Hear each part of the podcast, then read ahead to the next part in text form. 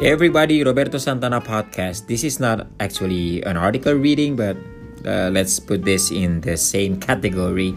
So it's about how to make a business phone call. Some tips for all of us. How to make a business phone call. First, introduce yourself. Introduce yourself. Start a conversation by introducing yourself, state your name and the name of your company. After that, state the purpose of your call. Next, number two, be polite, brief, and informative. Make sure to use polite expressions such as, I'm afraid I can't hear you. And indirect questions when making requests, such as, I would like to blah blah blah blah, things like that. Next, number three, repeat the important information.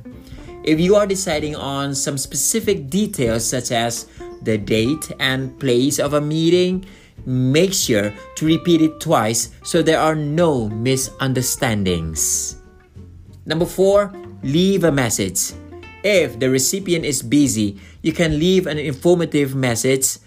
Don't forget to mention your contact details before ending the call if you are calling for the first time. Last but not least, end the call in a pleasant manner. Thank the person for their time and wish them a good day. Thank you so much, everyone. Have a good day.